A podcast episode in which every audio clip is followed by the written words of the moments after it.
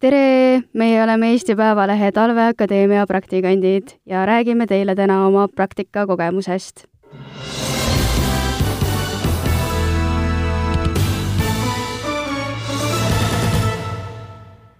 tulime siia jaanuari alguses, nüüdseks oleme olnud toimetuses kolm nädalat ja räägimegi sellest, et äh, kuidas meid siia siis vastu võeti. mina olen Laura Saks. minuga siin on veel Viktoria Maripuu. Mina, Annabel Tismus. Joonas-Priit Sibul. ja Reelika Sommer. aga alustamegi algusest. Viktoria, räägi meile, kuidas sa tulid siia? mina olin väga põnevil siia tulles, sest et äh, mulle muidu tunduski, et ei olegi väga midagi muud teha, nii et mul oli väga hea meel, kui selline võimalus avanes, et tulla siia praktikale. ja meid võeti väga soojalt vastu minu meelest, et kohe esimestest hetkedest oli nagu tunne, et me oleme siin tõesti oodatud. ja nagu ainult, ainult positiivsed emotsioonid olid. Minna, kas oli midagi üllatavat ka?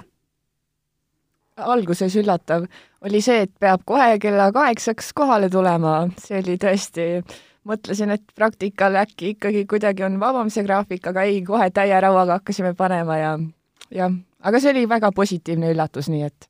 ja mulle meenub see, et äh, ma ise nagu, kuna meil oli veidi koolis siis äh, vahepaus, siis äh, ma magasin päeval tavaliselt mingi kaheteistkümneni ja siis see oli nagu minu jaoks niisugune suur äh, ületamine, see, et ma tulin hommikul ja ma tulin alati rõõmsa tujuga ja ma olin alati valmis, et ma tahan seda päeva alustada Joonas, sinul oli nüüd äh, esimene praktikakogemus. kuidas, kuidas läks? Äh, jaa, tegelikult ei olnud esimene, aga esimene toimetuses siis. Ja minu jaoks oli tegelikult väga huvitav, et ma üldse ju olin varem kommunikatsioonist täielikult ja siis reporteri töös mind, noh, mu orientatsiooni muudeti natuke ja siis Signe pakkus välja, et tule niisugune, noh, et niisugune praktikavõimalus on ja siis ma tulin kohale ja alguses Mihkli email ehmatas väga ära, et äh, see tuli vist laupäeval ja et äh, homseks või noh, et äh, et esmaspäeval olete kell kaheksa platsis, teemad olgu olemas juba ja siis hakkame arutama, aga siis, kui kohale jõudsime, siis nagu see rõhk kuidagi langes, et seal oli väga, väga soe vastuvõtt oli ja väga tore oli kõik. Ja seal oli see ka huvitav minu arust, et äh, kui me käisimegi mingisuguse teema nagu veidi laiema teema, et siis me seal koosolekul suutsime selle nagu kindlama nurga välja mõelda, et meid nagu aidati sellega, et et me saaksime selle fookuse võib-olla veidi täpsemaks.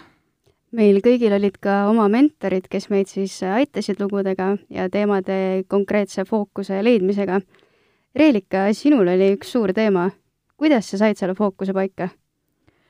No praeguseks ühe loo ma olen ära teinud, siis tegelikult kuidas ma selle üldse sain, oligi see, et ma teadsin, et äh, ma tahaksin äh, hooldusperedes teha ja ma läksin siis äh, ekspertintervjuule Sotsiaalministeeriumisse, kus siis selle vestluse käigus arenes see kõik välja. ja teine teema, mille ma siis otsisin dokumendiregistrist välja ma mäletan, võib-olla mingi aasta aega tagasi ma olin suhteliselt äh, skeptiline selle suhtes, et kuidas inimesed suudavad leida nii suurtes kogustes dokumentide seast nagu midagi nagu uudisväärtuslikku. aga tänu koolis siis äh, reporteri tööle, siis ma hakkasin neid nagu põhjalikumalt läbi töötama ja sealt ma leidsin siis äh, ühe suurema teema, mis mul on ka praegu käsil. aga ikkagi oli ju suur osa ka sellele, et toimetus tuli vastu ja aitas, et just siis Tuuli Jõesaar, kes on sinu mentor, oli ikkagi suur roll ka temal ju ja see oligi see, et äh, me siis otsustasime üks hetk, et äh, me võtame selle koos käsile, sest et äh, kuna ma olen ise praktikant ja ma tundsin, et võib-olla mul ei ole nagu neid kogemusi veel nii palju, et siis tuligi toimetus tuli niivõrd palju vastu ja Tuuli tuli eriti, ehk siis see, et ta võttis mind, nagu me võtsime koos kampa ja siis me läheme sellega koos lõpuni välja. See on hea, et sa mainisid kogemusi, sellepärast et meil olid ka igal hommikul väiksed sellised loengud kus siis keegi toimetusest käis rääkimas oma kogemusest. Viktoria, räägi meile, milline loeng sulle kõige rohkem meelde jäi?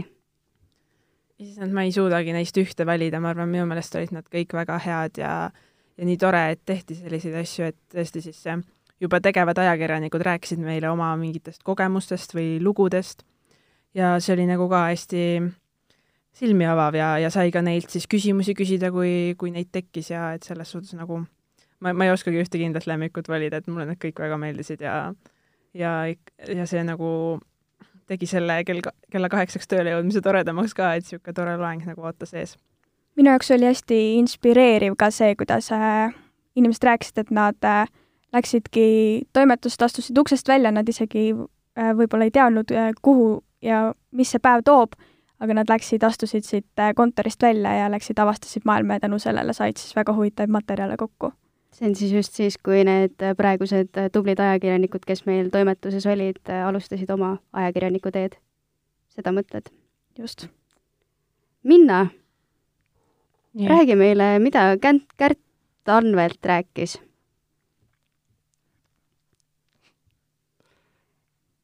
Kärt rääkis meile enda preemiatest, ma nüüd täpselt ei, ei mäletagi, äkki Joonas, sa mäletad täpsemalt? Äh, kas ta ei rääkinud mitte sellest, et kuidas sidemeid hoida, et seoses sellega, et ta mees on poliitik ja ja tulles korras, korraks Kärt Anveldi juurde tagasi, siis no me enne rääkisime mentoritest, et üks päev, kui mul oli vaja, siis mu mentorit ei olnud. et aga nagu see ei teinud midagi halvemaks, et kuna siin toimetuses on nii head inimesed, et siis Kärt kohe hüppas appi ja nagu aitas mind terve päeva jooksul, et et see oli super. No alati on arvatud ka, et kui on ajaleht, et siis on selline igav ja üksluine päev, et kirjutad mingit teksti kuidas teie arvate nüüd, kui te olete ise olnud ajalehes praktikal, on see nii, nagu on stereotüüpne ajalehe ajakirjaniku kujutlem tekkinud? minu meelest küll ei ole, et nagu väga, väga huvitav oli.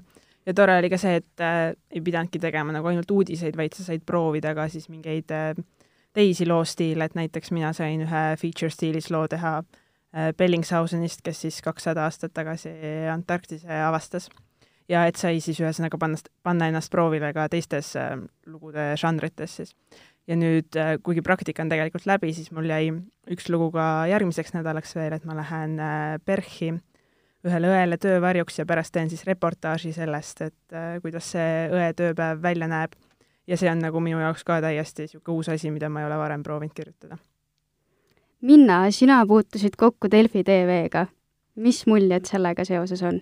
jaa, mina läksin siis äh, tegema Majandus- ja Kommunikatsiooniministeeriumisse, läksin tegema Kõlvartiga intervjuud ja see oli väga huvitav kogemus, sellepärast et äh, intervjuust jäi selline mulje, nagu Kõlvart muigaks kogu aja, aga tegelikult oli vist asi selles, et ma vaatasin teda hästi kurja näoga, sest ta heietas lihtsalt neid vastuseid ja ma lihtsalt äh, mõtlesin, et äh, palun vasta nüüd normaalselt aga kokkuvõttes oli niisugune natukene naljakas olukord, aga muidu see oli jah, hea kogemus eh, ka audiovisuaalset poolt arendada.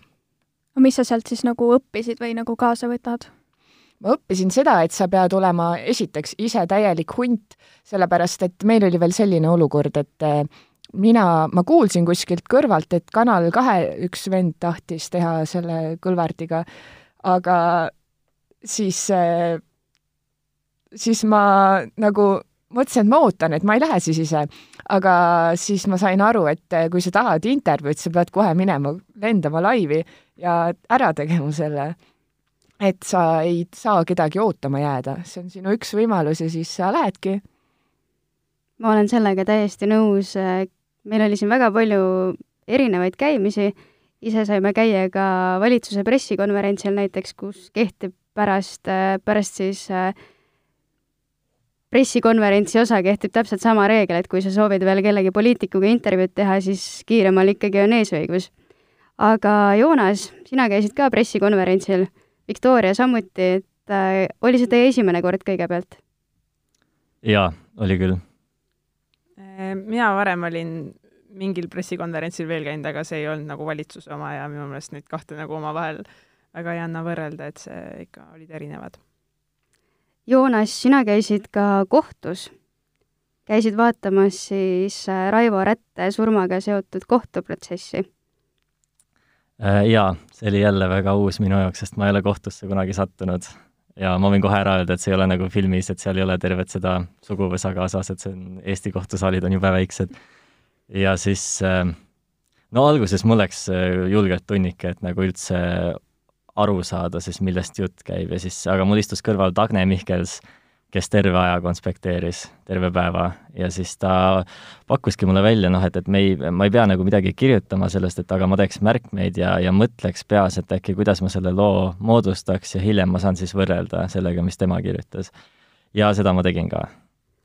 ma ise käisin sellel samal protsessil ainult siis äh, üks päev hiljem ja minu arust, äh, kui sa ütled, et ei olnud miski nagu filmis, siis see lugu ise mulle tundub, et on nagu filmis tõsi, ma eksisin, jaa.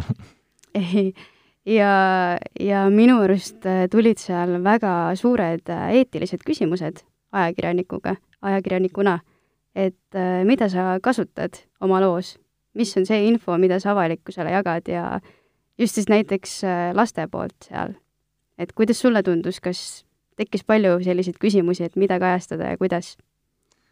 Äh, jaa, seal olidki minu jaoks ainult need küsimused, et mida kajastada ja kuidas, et äh, ähm, noh, näiteks seal äh, jah, seal oli siis äh, Raivo Rätte vend äh, ja tütar olid seal ja noh, kui nemad ütlusi andsid, näiteks ma ei, ma ei tea, kuidas, kas mina oleks kajastanud seda, aga seda vist ei kajastatud ka, selles mõttes, et nad olid nagu noh, sa, sa rääkisid, vaata, et kui sina käisid, siis äh, ja siis minul oli Palmi Rätte poeg. andis ütlusi ja samuti Palmi Rätte ise ning, äh, ning ka siis äh, Raivo Rätte venna tütar.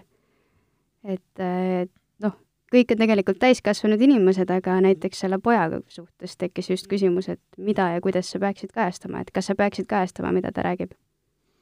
jaa, minul oli sama ja, ja nad noh, jaa, ei, ma mõtlesin ise ka seda seal kui nüüd äh, liikuda veel kogemuste juurde, mis me saime huvitavatel käikudel kõikidel, siis äh, Reelika juba põgusalt mainis siin, et äh, sina said ka ühe huvitava organisatsiooniga kokku.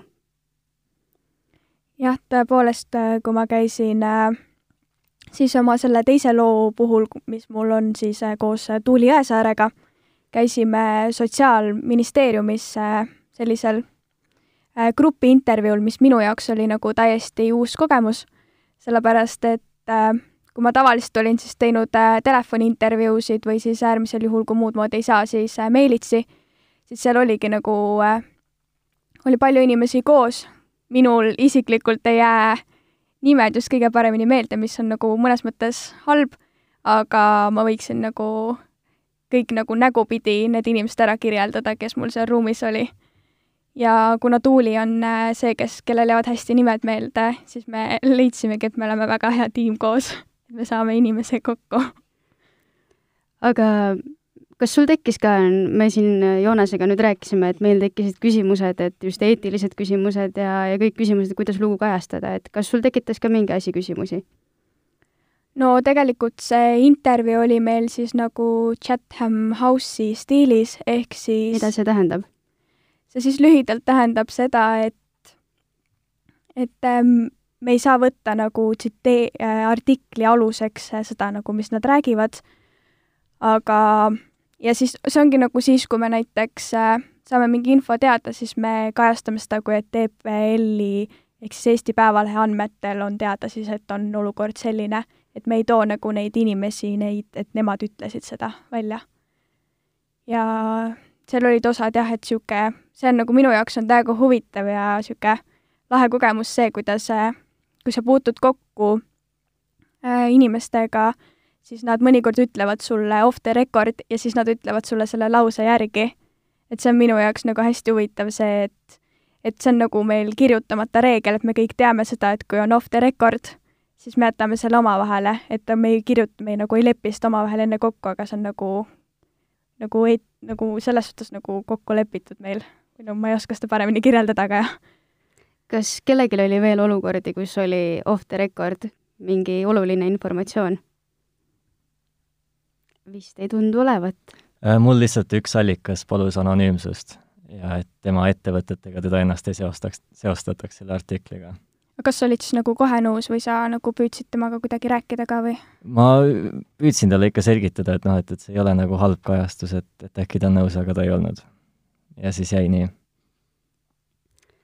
käisime lõunal veel ka Hans H. Luigega. kuidas teile tundus?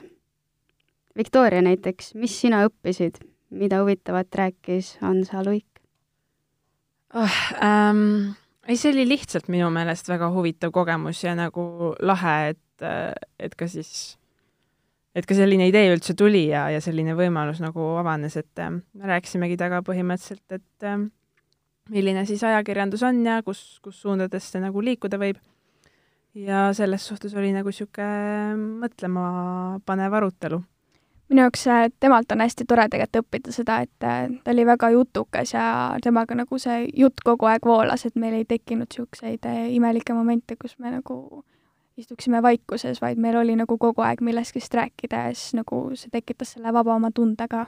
ja mulle meeldis ka see, et ta oskas igal teemal rääkida, kas majandusest, ajakirjandusest, kirjandusest või teatrist, et jah, igal, igas valdkonnas oli tal oma sõna sekka öelda minu arust oli äge ka veel see, et ta küsis küsimusi ja siis sa mõtlesid, et ma olen ajakirjanduse tudeng, ma arvan, et ma olen ikkagi pädevam kui keskmine inimene. ja siis ta küsis su käest sellise küsimuse, et sa mõtled mingi jaa, vau, ma ei olegi mitte kunagi selle peale mõelnud. kas sul on meeles ka mõni see küsimus, mille peale sul selline asi tekkis või?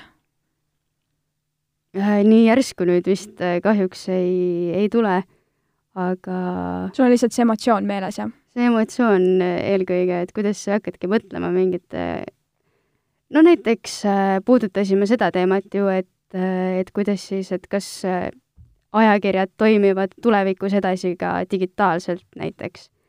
ja siis sa mõtledki, et aga ma ei ole mitte kunagi selle peale mõelnudki, et, et kuidas nagu ajakirjade tulevik näiteks digimeedias võiks, võiks olla. et see käib ka ikkagi ajakirjanduse alla, mis oli nagu äge. ja jah, palju kindlasti on õppida kõikidelt inimestelt siin toimetuses. minu arust hästi huvitav on see ka, et äh, ka tegelikult allikatelt on väga palju õppida see, kui sa nendega suhtled, sa nagu avastad enda jaoks nagu väga palju nagu mingisuguseid selliseid valdkondi, millest sa muidu nagu üldse ei tea. et mul läks hästi palju üldse aega saada aru süst- äh,, siis sellest äh, hooldusperede ja asendushooldusteenuse kui üleüldse sellisest süsteemist ja mulle mõnes mõttes pidi mitu korda seletama ja ma nagu lõpuks sain sellest aru, aga see nagu silmaringi arendab nagu nii palju, kui ma puutungi selliste inimestega kokku, mis on ka minu arust ajakirjanduse üks olulisemaid nagu või noh, hea võlu selles, et ma arendan ennast erinevates valdkondades ja ma ei ole nagu ainult ühes kinni. Ma olen sinuga sada protsenti nõus. Äh, just äh, eile tegin intervjuud äh, kurdi inimesega nii et meil oli vahel viipekeelne tõlk ja tegime eelkõige siis autosõidu ja sõidukite juhtimise teemal, et kuidas kurdid neid juhivad. ja siis ma hakkasin ka mõtlema selle peale, et tegelikult mitte kunagi ei ole nagu otseselt mõelnud, et et kuidas üks kurt elab või et milline tema elu välja näeb. Mõtled küll pealiskaudselt, näed kuskil tänaval kedagi, et aa jaa, et oo, tal on raske, et tal on nii ja naa, aga sa tegelikult mitte kunagi ei süvene sellesse niimoodi, et kuidas see inimene saabki kõik ma ei tea, kuskilt kuhugi või või kuidas, kuidas ta saab, istub taksosse, tellib taksot, et kuidas tema tellib taksot, on ju. et mis probleemid kõik kaasnevad sellega, et tema ei kuule ja et kuidas nad nagu võitlevad oma õiguste eest, mis minu jaoks oli nagu nii huvitav, et ma sain kuidagi samastuda või nagu sain kuidagi niisugune noh, sain aru, mil-, mida ta räägib ja mis on nagu tema elus halvasti, millele mina ei mõtle, mina kui kuulja inimene ei mõtle mitte kunagi et see on ajakirjanduse puhul üliäge, et sa saadki nagu nii paljudest valdkondadest ja nagu nii palju inimestest aru, mida sa varem ei oleks võib-olla mõelnudki. jaa, mina ka nõustun, mina näiteks sellel nädalal või noh, poole nädalaga sain täielikuks valgusfoori spetsialistiks, tean, milliseid erinevaid äh, mudeleid on, kuidas nad toimivad ja kuidas nad seda liiklust siis juhivad, nii et äh, jah, ma olen väga tänulik selle üle. kas keegi on veel spetsialist mingil alal? Äh, ma olen vist käibemaksuseadus paragrahv kaks lõige kuus spetsialist nüüd, ehk siis ettevõtte asjade oma tarbeks kasutamine, ehk siis kuidas OÜ-tajad skämmivad käibemaksuga. Ja siis jah, sellest, selle kohta oli huvitav lugeda ja kohtulahendeid vaadata ja siis nüüd vahepeal enda tuttavatele ka ütled, et tead, et see võib-olla ei ole nii õige, mis sa teed. Viktoria, sina puutusid ka viipekeelsete tõlkidega kokku. kas sa õppisid sellest midagi? eks ikka, sest ma ei olnud varem üldse selle viipekeelega nii kursis ja, siis, kui ma kuulsingi, et tegelikult nagu Eestis on ainult kolmkümmend kuus viipekeeletõlki, ja neist ainult üks on tegelikult siis see, kes vene viipekeelt oskab, aga vene viipekeelt kõnelevaid inimesi on ka väga palju, siis see oli küll niisugune nagu vahumoment minu jaoks. nii et jah, lihtsalt äh, teadmised selles valdkonnas kindlasti täienesid nüüd. aga Laura, sul oli ju see ka veel, et äh, kuidas sa üldse selle viipekeelt kõneleva inimesega suhtlesid? jah äh,, nagu ma vist alguses ka mainisin, oligi, meil oligi vahel viipekeelne tõlk ja tõesti, nagu ma aru saan, siis neid on vähe. Ja nende töö ikka, jah, võib-olla seal ka vallas, et, et nende töö hindamine, sest et nagu kui sa teed paralleelselt kahte asja, et sa kuulad ja samal ajal sa nagu tõlgid viipekeelt, et, et äh, äge jah, alguses mul oligi näiteks, kui ma siis suhtlesin selle kurdi inimesega, et äh, kuidagi nagu noh äh,, tähelepanu läks mujale, et ma hakkasingi mõtlema nagu sellele, kuidas ta viipleb, hakkasin nagu seda jälgima, samal ajal mul istub kõrval tõlk, kes tõlgib kõike seda, et seal, seal, see nagu alguses läks tähelepanu hästi kaduma ja ma ei suutnud nagu keskenduda sellele intervjuule. aga noh, lõpus juba sain aru kõigest ja sain hakkama ja et äh, hea kogemus kindlasti. aga nüüd siis äh, ongi meie viimane päev siin toimetuses. kuidas te võtate kokku selle kogemuse, mis te siit saite? Minna, räägi. minu arust see kogemus jäi natukene üürikeseks, aga muidu see, mis ma kõik siit sain, ma olen sellega väga rahul.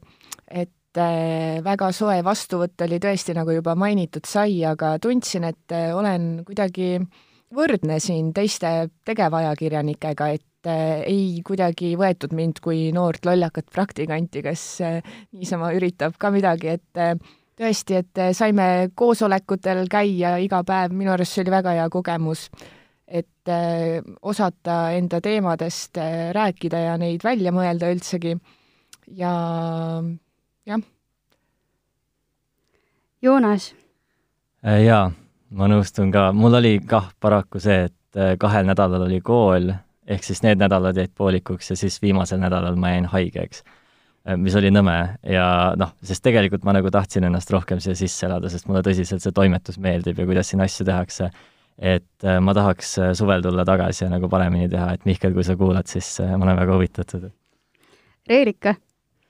minu jaoks oligi kõige huvitavam kogemus see, et kuna ma valisin endale päris niisugused suured ja mahukad lood, siis selle raseduskriisi nõustamise loo puhul ma pidingi siis nagu väga suures kogus, ma arvan, et mingi kakskümmend erinevat niisugust nagu kas siis mingit postitust või artiklit varasemalt äh, nendega, selle teemaga seoses siis äh, lugema ja see nagu, see lugemismaht oli nagu äh, üllatavalt suur. Ja samas nagu ma ei ole väga see inimene, kes armastaks nagu äh, arvutiekraanilt lugeda, sest et mingi hetk kaob see nagu keskendumine ära, aga kuidagi ma sellesse teemasse suutsin ennast nii süveneda, et ma lugesingi õhtuti ja mul oli nagu tõesti nagu nii põnev. Viktoria? ei no mulle tohutult meeldis, nagu alguses mul oli veel täiesti no, no mega suur vaimustus, et issand jumal, kui äge. nii et siis ma rääkisin nendele igasugustele tuttavatele ka kogu aeg, et jaa, et ma olen seal praktikal ja, ja teeme seal seda ja seda ja nii et neil lõpuks oli juba kopp ees minu juttudest, sest ma nii pikalt lihtsalt rääkisin sellest. ja ühesõnaga jah, no tõesti no väga äge ja üldse ei tahaks ära minna tegelikult. mina siis nõustun täpselt samamoodi teie kõikidega, et äh, arvasin, et lehetöö ei ole kindlasti nii põnev, kui ta tegelikult oli. nii et kõik, kes mõtlevad, et kas tulla praktikale, siis ma väga soovitan ikkagi ära proovida ka see valdkond. et kuidagi ajakirjanduses on nagu, pakub noortele huvi rohkem just see audiovisuaalne ja audio pool, et siis kindlasti tasub proovida ka ära lehetoimetus jah, siin on võimalus ju see, et äh, sa saad neid äh, teemasid hästi süvitsi ja mõnusalt uurida ja see on väga hea ja see avastab sinu jaoks palju uut. aga meie aeg hakkab lõppema, kas keegi sooviks veel midagi lisada? kõik on räägitud, kõik head sõnad on öeldud. aga aitäh, et kuulasite ja tulge praktikale